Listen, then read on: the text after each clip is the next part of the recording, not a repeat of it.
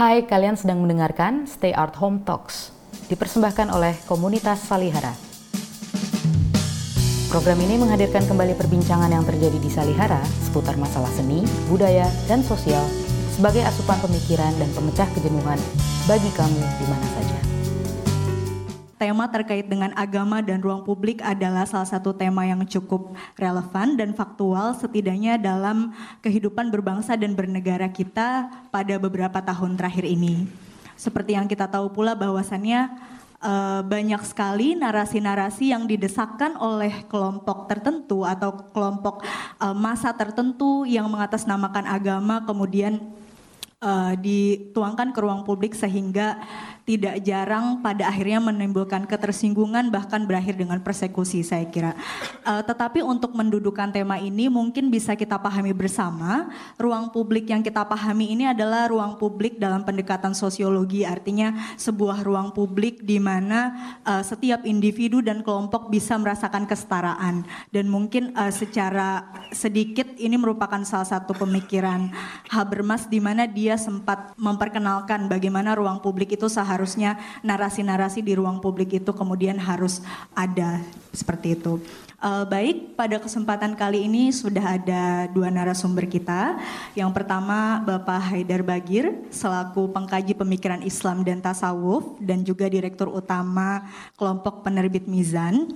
Bapak Haidar akan membahas uh, secara lebih reflektif, secara lebih umum, bagaimana kita merefleksikan kembali posisi negara, posisi agama, dan bahkan mungkin berdialektika bagaimana ketika peran negara dan agama tersebut justru kita pertanyakan kembali seperti itu. Lalu kemudian uh, Mas Adi, Mas Wicaksono Adi selaku kurator dan juga kritikus seni akan membahas secara lebih spesifik bagaimana uh, seni-seni visual utamanya dalam ajaran mayoritas Islam dan Kristen uh, menjadi sebuah budaya. Uh, seperti yang sudah dijelaskan secara umum seni uh, visual dalam tradisi Islam lebih menekankan kepada pendekatan skriptualis dan seni visual dalam Kristen lebih kepada proses penubuhan atau materialistis. Nah, ketika tradisi itu kemudian berjalan, bagaimana responnya di ruang publik? Bagaimana kelompok-kelompok yang mengatasnamakan agama ini kemudian uh, mempers, uh, mempersepsikannya? Ketika itu berbeda dari tradisi-tradisi uh, yang selama ini mereka bangun. Uh, baik tanpa berpanjang lebar, saya kira untuk pemaparan pertama pertama saya persilahkan kepada Pak Haidar untuk menyampaikan pemaparannya. Saya silahkan Bapak.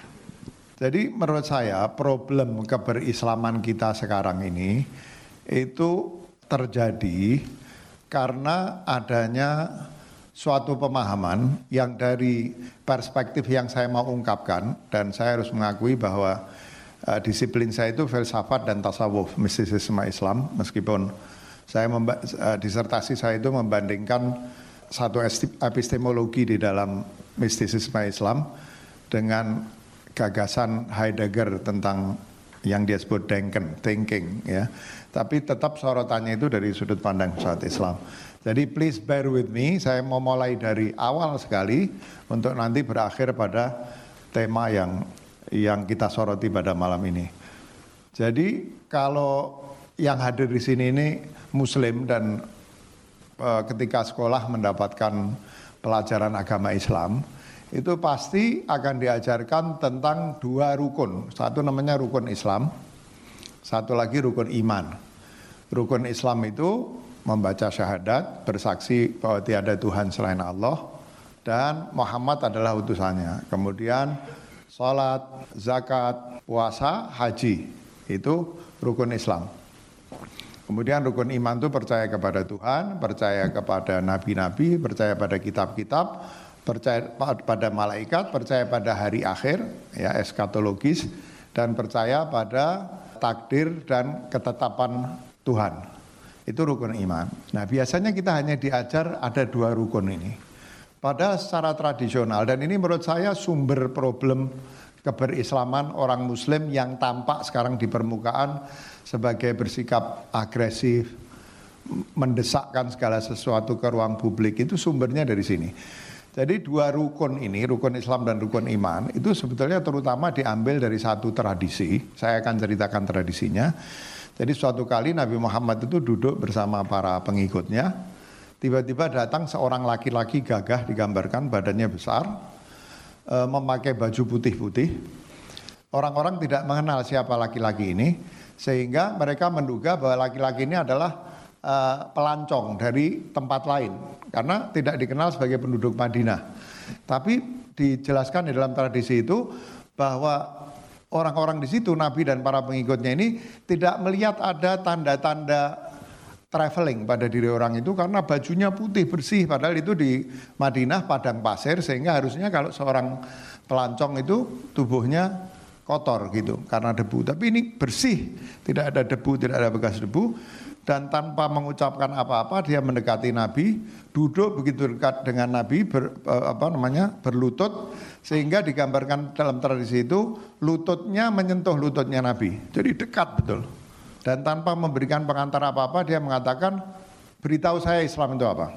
Kemudian Nabi menjawab dengan menyebut itu bersyahadat, sholat, puasa, zakat, haji. Terus orang itu mengatakan sodakta. Sodakta itu kalau dalam bahasa sekarang 100 gitu. Betul. Atau kalau bahasa sekarang mantul gitu lah kira-kira.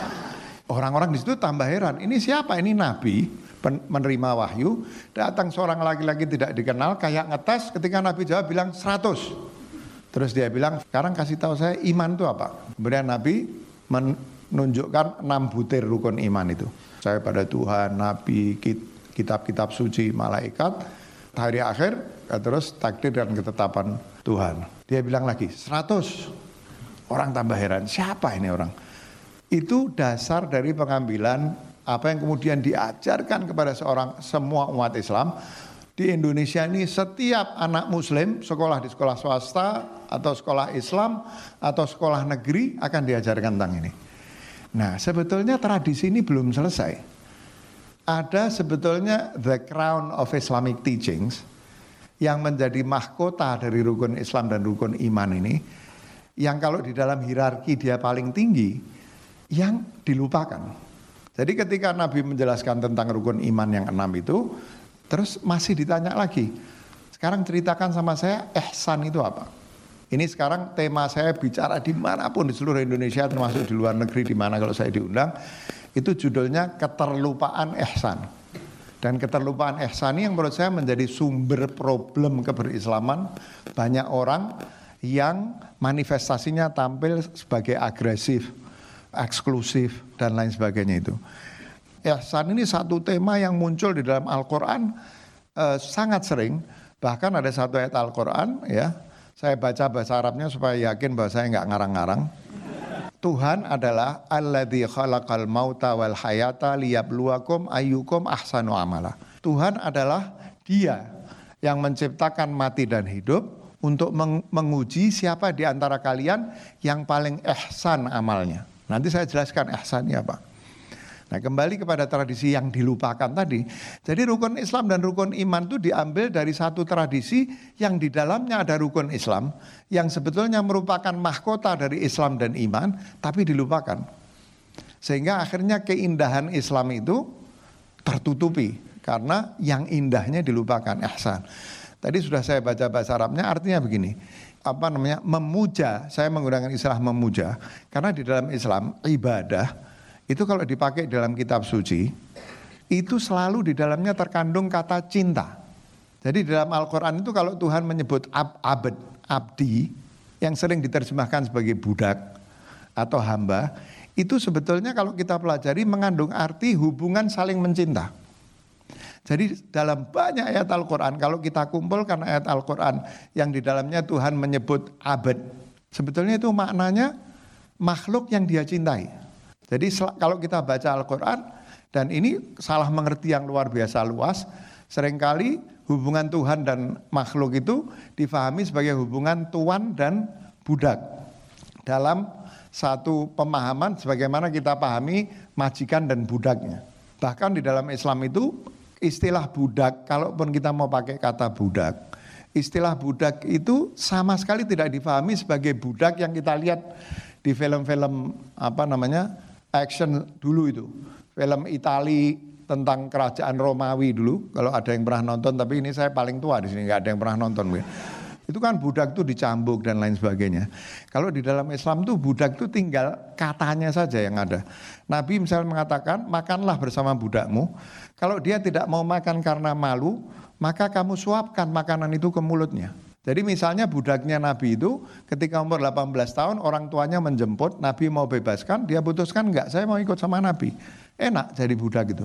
Jadi yang disebut budak itu kalau dalam Islam itu satu aksi repatriasi dalam perang. Jadi karena dalam perang orang lain mengambil tawanan sebagai budak, maka orang muslim mengambil tawanan dari tempat lain sebagai budak. Tapi budak itu tinggal kata istilahnya aja yang dipakai. Tapi diperlakukan sampai Nabi bilang suapi dia kalau dia malu nggak mau makan. Seperti itu budak. Jadi bahkan kalau kita tetap mempertahankan istilah bahasa Indonesia budak, maka budak itu adalah seseorang yang dihormati dan dicintai seperti Anas itu budak Nabi yang nggak mau dijemput orang tuanya itu dia lebih cinta pada Nabi ketimbang cinta pada orang tuanya. Dia mengatakan hampir 20 tahun saya ikut Nabi saya nggak pernah dibentak, Nabi tidak pernah berkata kasar kepada saya. Nah tapi karena budak itu sudah punya konotasi, maka sebetulnya yang lebih tepat itu jadi ketika disebut abad, itu artinya seseorang yang worship sesuatu yang lain karena cinta. Jadi ibadah seperti dalam hadits Ahsan tadi tradisi. Jadi ketika dikatakan beribadah kepada Tuhan itu artinya memuja Tuhan dengan penuh cinta dalam keadaan kamu melihat dia. Dalam keadaan kamu melihat dia dan kalau kamu tidak bisa melihat dia, yakinlah bahwa dia melihat kamu. Nah itu seorang sufi menafsirkan itu dengan cara berbeda. Jadi aslinya dalam bahasa Arab itu tidak ada kata yang berubah, tidak ada sesuatu yang berubah, tapi titiknya diubah sama dia. Jadi melihat Tuhan ini adalah sesuatu yang biasa di dalam tasawuf. Misalnya Nabi itu disebutkan mengatakan, aku melihat Tuhanku dalam bentuknya yang paling indah. Ketika Nabi Mi'raj. Jadi melihat Tuhan itu tentu tidak dengan mata lahir, itu satu tema yang umum. Ali bin Abi Thalib, sepupu dan menantunya, seseorang bertanya kepada dia, apa kamu bisa melihat Tuhanmu? Jawabannya Ali bin Abi Thalib apa? Kamu pikir aku akan menyembah sesuatu yang aku nggak bisa ngelihat? Ya bisa, ya iyalah kalau sekarang gitu, kira-kira. Itu Ibn Arabi membacanya gini, menyembah Tuhan dalam cinta, dalam keadaan kamu bisa melihatnya, melihat kekasihmu. Dan kalau kamu bisa menyirnakan dirimu, maka kamu akan melihat Tuhan. Ini penafsiran kaum sufi ya. Dan ihsan ini adalah sumbernya tasawuf. Problem kekacauan pemahaman keislaman menurut perspektif saya yang bisa salah itu muncul karena tasawuf atau mistisisme ini dihilangkan. Dan kalau kita bicara persoalan ruang privat dan ruang publik, ini tasawuf ini yang berbicara tentang ruang privat, tentang agama yang bersifat privat dan lain sebagainya ya. Tapi saya kembali ke situ dan ini namanya hermeneutics, takwil, memahami ayat kitab suci dan tradisi kenabian dengan hermeneutics. Saya kasih contoh di bulan puasa. Di bulan puasa itu ada satu tradisi kenabian, ucapannya Nabi yang pendek. Bunyinya begini, berpuasalah kamu ketika kamu melihatnya. Nya itu apa? Nya itu hilal. Ketika hilal bulan baru, kamu lihat bulan baru, nah itu berarti mau masuk besoknya satu Ramadan kamu puasa. Sumu liru iate. Tapi kalau kaum mistik Islam, kaum sufi itu persis tradisinya sumu liru iate. Berpuasalah kamu ketika kamu melihatnya. Tapi dalam bahasa Arab li itu bisa berarti lain, ditafsirkan apa oleh kaum mistikus itu? Nyanyi itu bukan hilal, bukan bulan sabit, nyanyi itu Tuhan. Jadi hadis itu dipakai oleh para astronom muslim sebagai dasar bahwa masuk puasa kalau kelihatan bulan sabit. Tapi bagi kaum sufi itu diartikan berpuasalah kamu sebaik-baiknya sehingga kamu bisa melihat Tuhan. Seperti tadi makna ihsan tadi. Jadi eh, tradisi itu bunyinya sembahlah Tuhan dalam cinta, dalam keadaan kamu melihatnya, dan jika kamu sudah bisa menyernakan pamrihmu, menyirnakan egomu, maka kamu akan bisa melihatnya. Sebelum saya lanjutkan, akhirnya laki-laki itu setelah selesai bertanya, datangnya nyelonong, pulangnya pulangnya ngacir. Jadi para pengikut Nabi ini bingung, siapa itu? Enggak kita kenal, ngetes Nabi, Nabi menjawab dibilang mantul, ya kan? 100. Siapa ini? Nabi menjawab, itu malaikat Jibril yang sedang mengajar nabinya, nabinya Tuhan.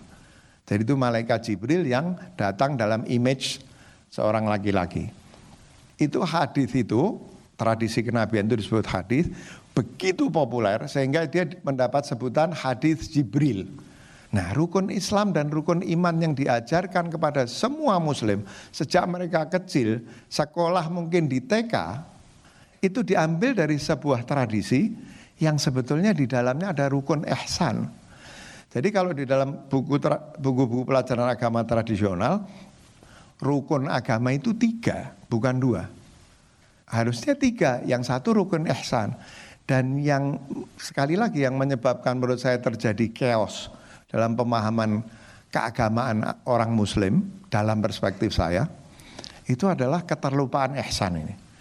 Jadi keindahan yang harusnya meliputi rukun Islam dan rukun iman itu itu hilang karena ihsan itu dalam bahasa Arab artinya berbuat sesuatu yang sempurna dan indah itu artinya ihsan. Nah, aspek ini yang diambil oleh tasawuf.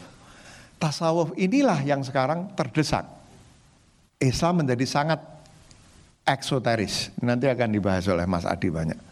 Esoterisme Islam itu terdesak karena keterlupaan akan ihsan ini. Dan tasawuf itu adalah ihsan ini. Jadi Islam itu melahirkan syariah, hukum. Iman itu melahirkan ilmu tentang akidah disebutnya, kepercayaan. Ihsan melahirkan tasawuf. Jadi kadang disebut syariah, akidah, tariqah. Torikoh itu tarekat, tasawuf. Jadi rukun Islam melahirkan keberagamaan dalam orientasi hukum. Rukun iman melahirkan keberagamaan dalam orientasi akidah itu saya nggak bisa sebut sebetulnya iman. Akidah itu akidah itu sebetulnya arti aslinya keyakinan yang didasarkan pada rasionalitas. Tapi sekarang kalau orang bilang orang muslim itu akidahnya harus kuat, itu artinya harus fanatik. Padahal arti aslinya iman itu adalah keyakinan yang harus didasarkan pada rasionalitas. Jadi segitiganya itu syariah, akidah, tariqah, tarikat, tasawuf. Itu puncaknya. Syariah kalau segitiga, tarikah, eh syariah, ak akidah, tarikat. Disebut hukum, kemudian uh, akidah, akhlak puncaknya keberislaman itu akhlak. Islam, iman, ihsan. Ihsan, tasawuf, akhlak ini yang dilupakan. Ini yang menyebabkan problemnya sekarang seperti itu. Padahal terlalu jelas di dalam ajaran agama Islam itu. Kalau orang baru hafal lima hadis Nabi, maka di antara lima itu pasti ada hadis ini. Innama bu'ithu liutamima makarimal akhlak aku ini diutus jadi nabi tidak lain dan tidak bukan adalah untuk menyempurnakan akhlak mulia. Jadi kalau dalam bahasa Arab itu kata innama itu artinya hanya itu. Bu'ithu li utamima makalimal akhlak. Aku diutus untuk menyempurnakan kemuliaan akhlak. Bisa. Tapi Nabi mengatakan innama. Innama itu saya nggak punya misi lain diutus sama Tuhan itu kecuali untuk menyempurnakan kemuliaan akhlak. Hanya itu akhlak, tasawuf, cinta, ya ini yang dilupakan. Nah makanya kalau kita belajar fenomenologi agama, biasanya para fenomenolog yang tidak mempelajari mistisisme Islam itu akan jadi kaum fenomenolog itu membagi agama di dalam dua kelompok. Kelompok yang pertama itu apa yang mereka sebut sebagai law oriented religion atau nomos oriented religion. Agama berorientasi hukum.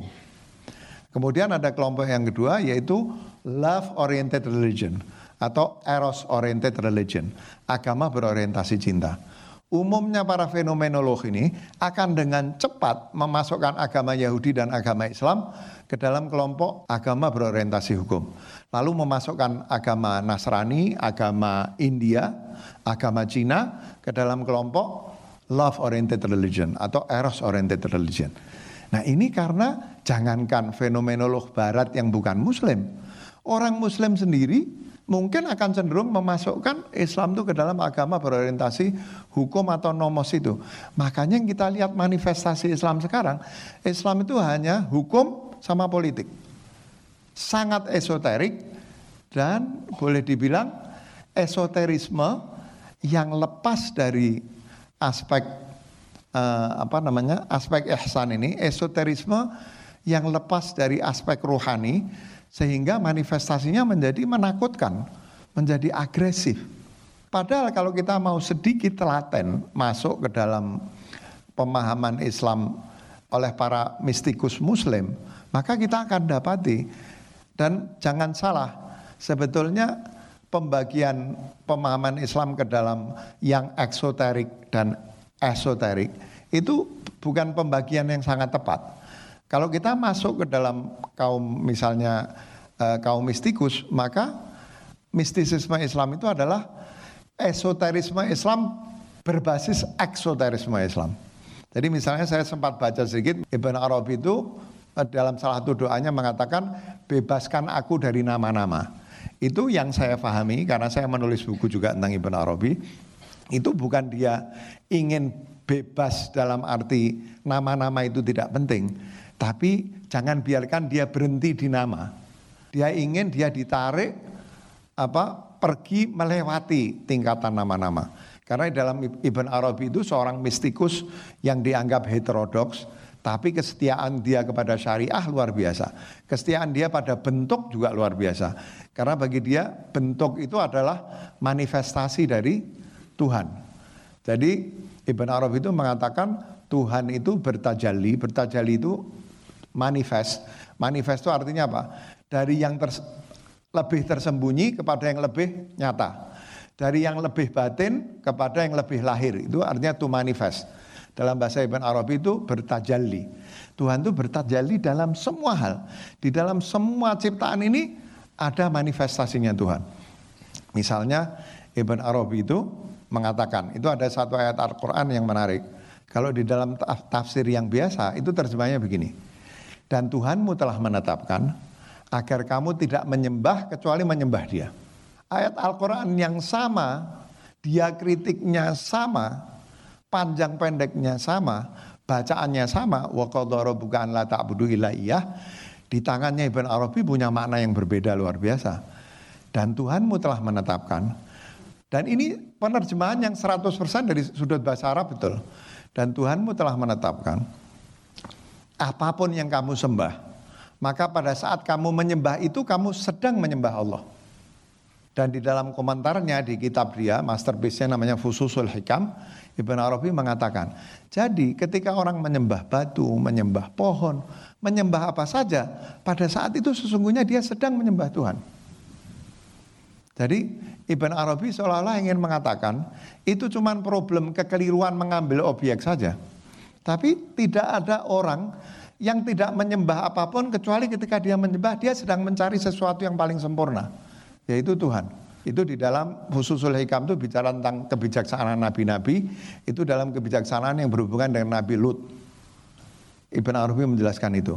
Jadi kalau dalam mistisisme itu nggak ada orang nggak nyembah Tuhan itu.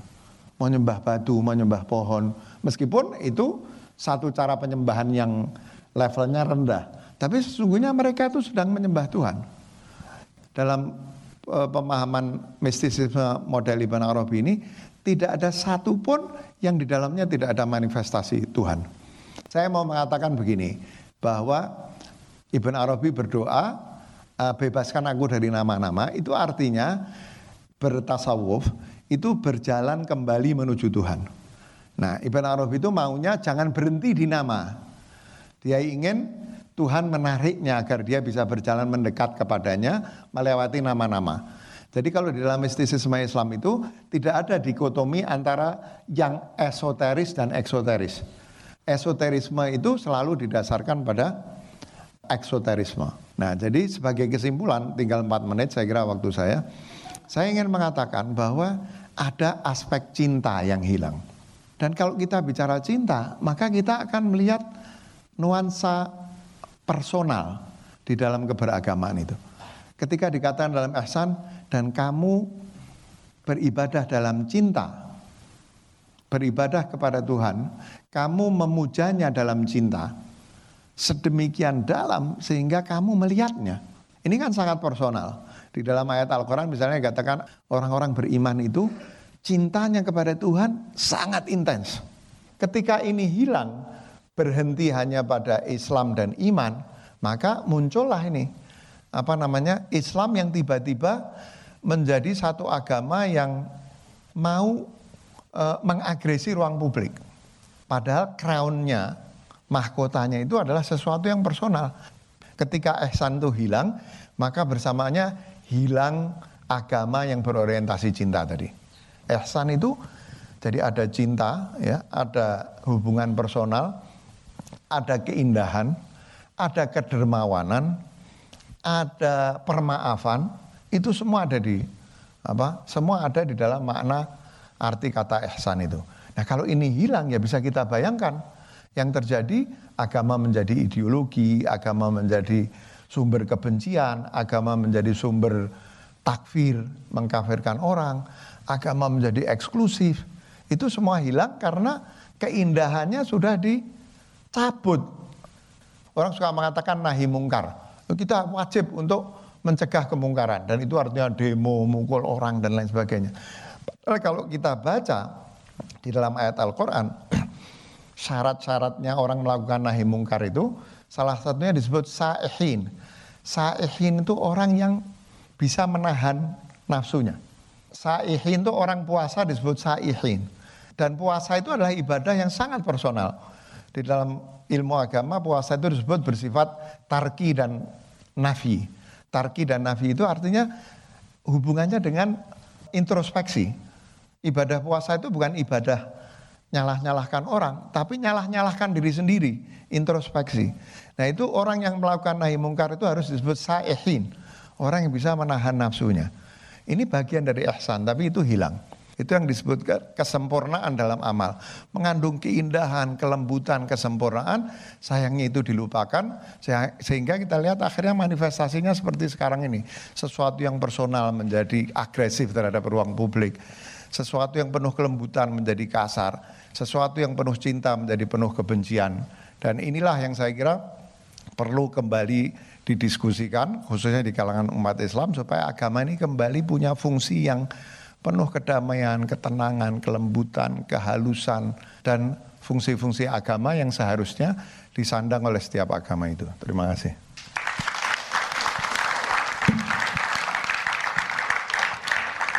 Terima kasih Pak Haidar atas pemaparannya. Mungkin sebelum menyambung ke Mas Adi, ada satu pertanyaan juga Pak terkait dengan uh, di ruang publik ini. Bagaimana kita memulai narasi-narasi untuk bisa mengangkat ihsan ini ke ruang publik Pak? kira-kira pesan-pesan apa yang bisa kita angkat, narasi-narasi seperti apa karena seperti yang kita ketahui juga uh, saat ini yang lebih digaungkan adalah aspek-aspek misionaris, misalnya aspek-aspek jihad dalam konteks yang masa secara bersama-sama seperti itu, Pak. Ya sedikit saja. Ini problem juga kesalahan pendidikan Islam yang mulai sejak kita kecil ya. Misalnya begini, uh, kalau saya tanya, pada yang hadir di sini yang muslim yang pernah belajar agama Islam di sekolah, Nabi itu kerjaannya apa toh? Sebagian besar kita akan bilang perang. Itu kan Nabi itu di Mekah ditindas. Ditindas, diagresi sampai migrasi, di persekusi lagi, terus sampai memutuskan untuk pindah ke kota Madinah. Dulu namanya Yathrib. Terus kita diceritakan tahun pertama Hijriah istirahat. Sampai sebelum meninggal Nabi itu perang. Ada yang tahu nggak di sini? Nabi itu menjadi nabi 23 tahun. 23 tahun itu kira-kira 8 ribu hari. Nabi itu kan diagresi. Ditindas di Mekah, pindah, pindah ke Madinah, diserbu, diserbu terus, diagresi. Itu kalau seluruh perang Nabi di jumlah berapa hari Nabi itu perang? Kira-kira. Masa kenabiannya 8000 hari. Itu penelitian yang paling boros yang menghitung semua ekspedisi militer Nabi. Yang jadi atau tidak jadi perang itu mengatakan 800 hari Nabi itu perang dalam keadaan diagresi. Berarti berapa persen dari hidupnya? 10 persen. 90 persen Nabi itu ngapain? Sebagian orang Muslim nggak tahu. Wong diajarinya Nabi itu perang terus. Ada penelitian yang mengatakan perang yang betul-betul terjadi perang itu 80 hari. Berarti satu persen dari masa hidupnya Nabi. 99 persen Nabi ngapain? Siapa yang tahu? Mengajarkan ihsan itu. Nah kita dari kecil diajari bahwa Nabi itu kerjanya perang. Kalau mengikut Nabi ya perang. Jadi ini problem rukun Islam, rukun iman, rukun ihsan dilupakan. Sejak kita kecil. Nabi digambarkan tukang perang. Saya mau tanya di sini, boleh dijawab. Nabi itu panglima perang. Perang sekian banyak itu Nabi membunuh berapa orang? Ada yang tahu nggak? Berapa yang dibunuh Nabi? Seluruh kitab sejarah sepakat Nabi hanya membunuh satu orang. Dan itu pun terbunuh karena eh, membela diri. Ini ke mana pelajaran-pelajaran seperti ini? Jadi menurut saya ini ada problem mendasar dalam pendidikan Islam di sekolah-sekolah. Ditambah khutbah Jumat, ditambah sekarang pengajian-pengajian, masjid tambah banyak, setiap masjid pengajiannya tambah banyak. Kebutuhan ustadz tambah banyak. Sehingga quality control ustadz juga kacau. Di Mesir itu kalau nggak lulus Al-Azhar nggak boleh ceramah di masjid. Di Malaysia seluruh negeri Malaysia khutbahnya satu dari pemerintah, kiainya cuma baca. Tapi di kita, di Malaysia satu ekstrem, di kita ekstrem. Semua jadi ustadz. Saya bukan ustadz, saya nggak pernah dipanggil ustadz ya. Itu keadaannya sekarang. Itu yang membuat kekacauan. Jadi kalau ditanya bagaimana caranya, saya bicara pada men berbagai menteri pendidikan yang sudah ada, saya bicara pada Pak Menteri Agama saya bilang ini harus ada upaya serius untuk memperbaiki kurikulum pengajaran agama sejak TK dan sekolah dasar. Kedua, meskipun saya mungkin dianggap pendukung diktator, diktatorial, saya bilang saya setuju pada sertifikasi penceramah. Tapi yang bikin sertifikasi jangan pemerintah, bikin lembaga netral terdiri dari para ulama yang melakukan sertifikasi. Enggak punya sertifikat jangan ceramah. Karena kalau enggak, anak-anak sekolah dibenerin, terus setiap sholat Jumat, sekolah sore segala macam ketemu status-status gini, ya sama juga. Jadi harus ada sertifikasi, harus ada pendidikan sejak itu. Itu ini harus dilakukan. Jadi Islam itu diajarkan yang betul, ada tiga rukun. Nabi itu kerjanya bukan perang. Nabi ini kerjanya yaitu mengajarkan akhlak, mengajarkan ihsan. Nah, saya sendiri berusaha bikin namanya gerakan Islam cinta di kalangan anak-anak muda. Makin lama alhamdulillah makin populer. Sudah menerbitkan puluhan buku, sekarang sedang melakukan itu. Saya membuat pesantren virtual tasawuf Nurul Wala, baru saya promosikan bulan ini. Ini satu upaya juga dari kita untuk mengajarkan, jadi kita mau ngajak hijrah, tapi hijrahnya itu antitesis dari hijrah yang sekarang. Kalau Hijrah yang sekarang ini kan hijrah kepada hukum dan politik, kepada agama berorientasi hukum. Saya mau ngajak hijrah kepada agama berorientasi cinta lewat tasawuf. Jadi kalau kita mengembalikan agama, kalau tidak mau pakai istilah tasawuf, pakai kembalikan agama pada spiritualitas. Beri mahkota spiritualitas pada agama. Kalau kita ingin agama itu betul-betul bisa menjadi apa? Bisa menjadi sumber kedamaian, sumber ketentraman, sumber kerukunan, sumber cinta kasih, sumber kebaikan hati, sumber kedermawanan, maka kita harus mengembalikan mahkota agama itu kepada agama itu, yaitu mahkota ihsan, mahkota kebaikan hati, mahkota cinta, ya, mahkota kesempurnaan, mahkota keindahan.